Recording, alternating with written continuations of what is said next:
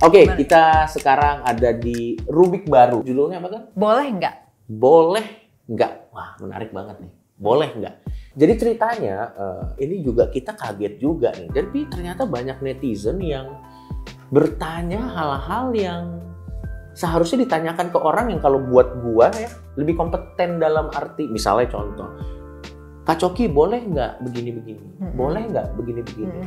Maksud gua kenapa Anda menanyakannya kepada saya gitu loh. Anda tidak lihat track record saya selama ini gitu. Dan gua rasa juga karena juga banyak orang nanya itu di DM lo ya. Apalagi Iya. lo buka Q&A bahkan. Question box. Nah, ah, ah. Jadi ketika gue buka Q&A, eh, banyak yang nanya kayak Hmm. misalnya boleh nggak sih kayak gini atau Ya. menurut gue eh, bagus nggak kalau orang gini-gini gitu ya? Betul.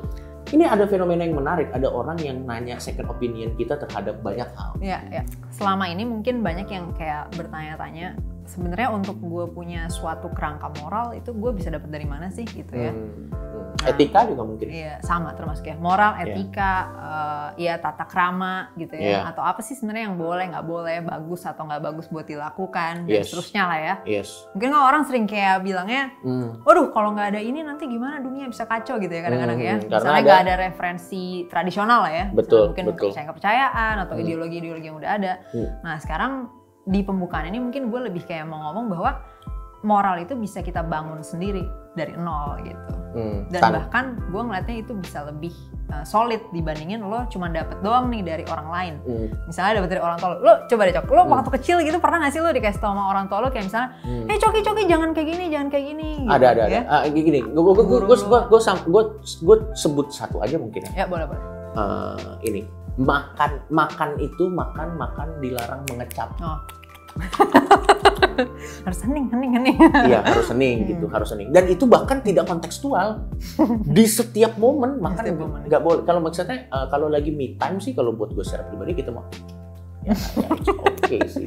Harusnya itu kalau lagi rame aja ya baru Iya, lo. iya, uh, iya, iya. Atau mungkin ada misalnya dilarang, gua nggak tahu apakah ini masuk ke ranah moral, moral, moral mm-mm. dilarang duduk di depan pintu. Oh iya, iya. Apakah itu Atau moral, ini ya, etika atau? Dilarang makan di ambang pintu kali ya? Ya, Lo nggak boleh ya, makan ya, di ambang ya, pintu. ya, Atau ya. makan sambil jalan gitu Iya, ya? iya, iya. Atau mungkin eh, untuk gender-gender tertentu, mungkin untuk perempuan dilarang keluar malam. Hmm, dilarang keluar malam. Karena nanti kalau anda keluar malam, eh, itu mungkin let's say reputasi kita jadi seolah-olah nakal Mhm. atau mungkin berbahaya juga gitu. Eh, banyak kok, banyak hal gitu. Nah Banyak itu kan, lo Iya. tau kan, pasti kan jadi kita dapat banyak nih kan Iya. hal-hal yang boleh nggak boleh Hmm. dari orang-orang sekitar kita, ya Yes, kan dari orang yes, tua lo, dari yes. kalau di sekolah dari guru ya. Yes, guru BP terutama. Nah Hmm. dan sering kali mungkin kayak sebenarnya nggak jelas juga ya itu kenapa gitu kan, Hmm, kita hmm, nggak dapet nih kenapanya ya. Hmm, Why? Dalam atau dalam sederhananya nalarnya lah ya, nalar di balik ini apa nih gitu kan? Hmm, Ngapain hmm. kita harus nggak boleh begini atau boleh begini gitu Dan kan? kadang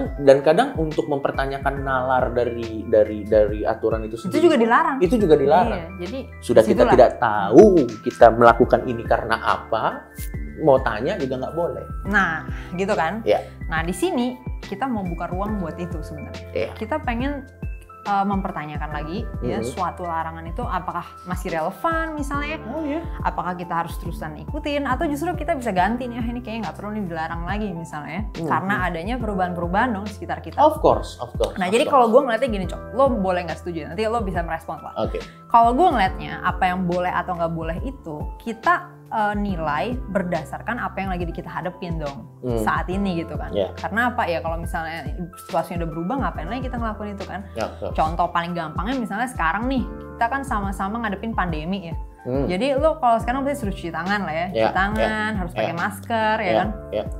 Nah terus lo bayangin misalnya itu gue tulis di dalam suatu buku ya, Ya. kita anggap aja misalnya kaniaisme deh, Ya. kaniaisme nih Hmm, hmm, harus pakai masker Hmm, ya, harus hmm. cuci tangan. hmm.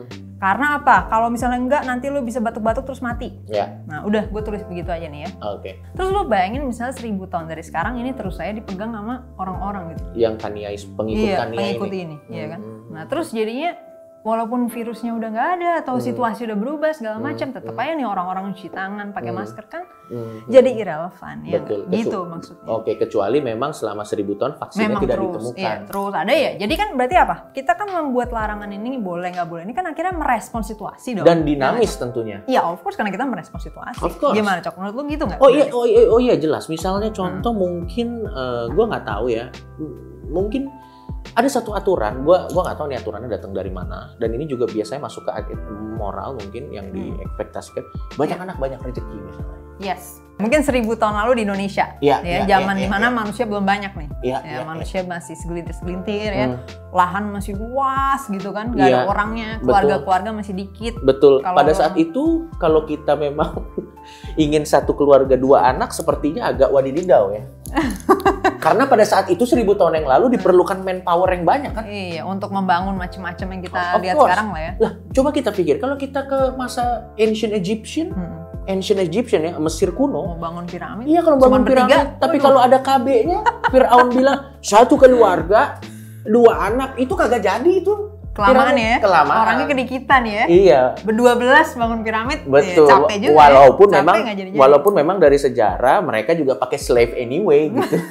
Bukan Ya, tapi- orang Mesirnya. Iya. Tapi maksudnya eh, breeding itu sangat di encourage zaman dulu. Iya, dan kalau di Indonesia sebenarnya yang juga membuat itu ada ya, membuat orang-orang jadi ada tradisi untuk ayo banyak anak banyak anak juga karena kita ada budaya padi, Cok. Hmm. Budaya padi ini orang mengelola padi itu butuh orang, butuh orang Iya, banyak gitu. iya, iya, karena dia iya. bu- maintenance-nya lah ya. Gue Iya, gua nggak tahu detailnya mungkin bisa tanya sama teman-teman yang di Hmm. pertanian ya, Iya, lebih iya, spesifiknya gimana. Iya. Tapi emang setahu gue kalau dari gue baca dari sejarah gimana masyarakat padi tuh mereka butuh orang banyak buat produksi makanan, Cok. Hmm. Sehingga emang bener-bener nyambung antara anak banyak sama rezeki banyak. Of course. Maksudnya kalau lo anaknya banyak, ya produksinya lebih banyak nih. Iya betul. Padinya gitu, beras-berasnya ya. Hmm. Sekarang kan justru kita udah di zaman modern ini, kita kan justru udah punya kerangka moral yang lebih sehat buat anak-anak nih, ya kan? Maksudnya apa? Ya kita mulai ngeliat, oh anak-anak jangan dong, pas iya, kecil iya. langsung suruh kerja gitu segala iya. macam kan. Exploit, eksploitasi. Eksploitasi anak Iya. segala macam. Nah akhirnya kita justru malah ya banyak anak itu banyak pengeluaran bukan banyak rezeki ya. Iya, iya, Karena kan ya kita justru harus memenuhi hak hak anak tuh, Hmm, ya kan hmm, anak hmm. harus punya pendidikan, Hmm. makanan yang cukup, Hmm. nutrisi yang cukup, lingkungan tumbuh kembang yang sehat dan lain sebagainya. Hmm. Dan juga yang yang lebih penting lagi juga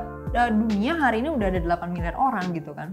Oh, Beda udah 8 miliar, Ya, bukan 7 7 koma miliar. lah, 7 koma 7 koma kita Tapi buletin 8 menuju ke miliar. lah ya. Oke, iya, iya. 7 koma sekian miliar lah ya. Oke, oke. oke. Berbeda dong dengan zaman itu yang orangnya jauh lebih Hmm, sedikit hmm, lah hmm. kira-kira. Iya, ya, iya. gitu Berarti, maksudnya. berarti, berarti kalau kalau kita mau mengikuti eh, aturan tadi dengan relevansi zaman, mungkin bisa diganti banyak traktor, banyak rezeki mungkin. kalau kita konteksnya adalah agraris ya. Banyak ya. Iya, karena ternyata kan sekarang yang kan menggarapnya iya, iya, karena sekarang ternyata seraya eh, apa namanya civilization manusia itu semakin maju, kita sadar bahwa anak ini bukan tools kan. Akhirnya kan kita harus selalu menalar lagi nih Cok ya. Hmm. Apakah nih aturan masih relevan nggak sih gitu Ya. kan ya? Seribu tahun sekali lah. Enggak sih, belum tentu. Kadang-kadang juga gini Cok soalnya. Misal kita punya aturan nih gini, ya kan? Oke. Tapi tiba-tiba ada situasi mendadak krisis ya. Kayak Ya. contohnya ini aja deh, kita kan selama ini nggak punya ya kewajiban pakai masker atau cuci tangan segala macam gitu Ya, kan di luar ya. rumah atau Ya. ketemu sama orang-orang asing Ya. di kerumunan segala macam. Iya, iya. Nah kan tiba-tiba kita bikin aturan ini mendadak karena memang ada situasi yang harus direspons. Ya. Berarti kan eh, situasi itu bisa selalu dinamis setiap saat gitu kan. Hmm. Iya kan, Cok? Hmm. Gitu. Iya, iya. Dan iya. itu bukan cuman eh, urusan yang kayak ginian, tapi juga misalnya sometimes kita Hmm, punya, hmm. misalnya kita punya aturan nih bahwa Hmm.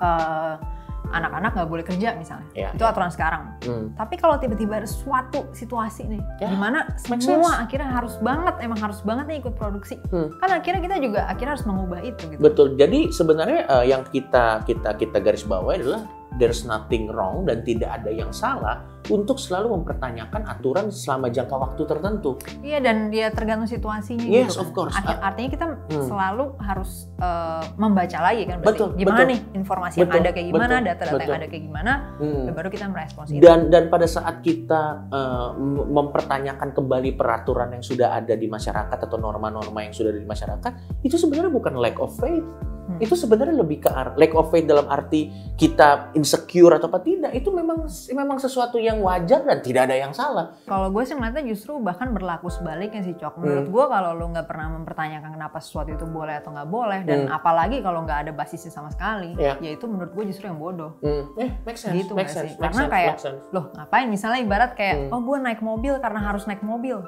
Kan, ya ngerti gak sih Cok? Kita Iya. kan naik mobil ada tujuan dong ya. Betul, betul. Mau ke mana? Betul. naik kereta ada tujuan dong. Betul. Masa lo naik kereta, oh buat naik kereta aja nih duduk di kereta Iya, selama-lamanya kan? Iya, bahkan lo gabut Nggak pun ya tujuan lo gabut basically kan. There's a purpose dong Oke. what we're doing ya gak sih? Jadi gitu. Jadi itu kira-kira yang bakal jadi pembahasan-pembahasan kita di Nice. konten-konten kita di boleh nggak ini. Jadi intinya eh, kita mengencourage siapa pun yang nonton konten ini untuk ini kan kita ada komen. Hmm. Daripada isi komen ini cuma mengomentari eh, green screen atau mengomentari hal-hal yang tidak penting, langsung aja kalau lo punya pertanyaan bisa langsung kita kasih di sini.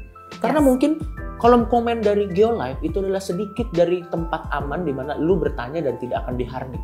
Ya. Ya. Dan kalau dan dan kita Negatif comment will be encouraged. negatif oh iya kalau tretan muslim kan negatif comment will be forgiven Iya. kalau kita tidak se-sane itu untuk forgive stupid people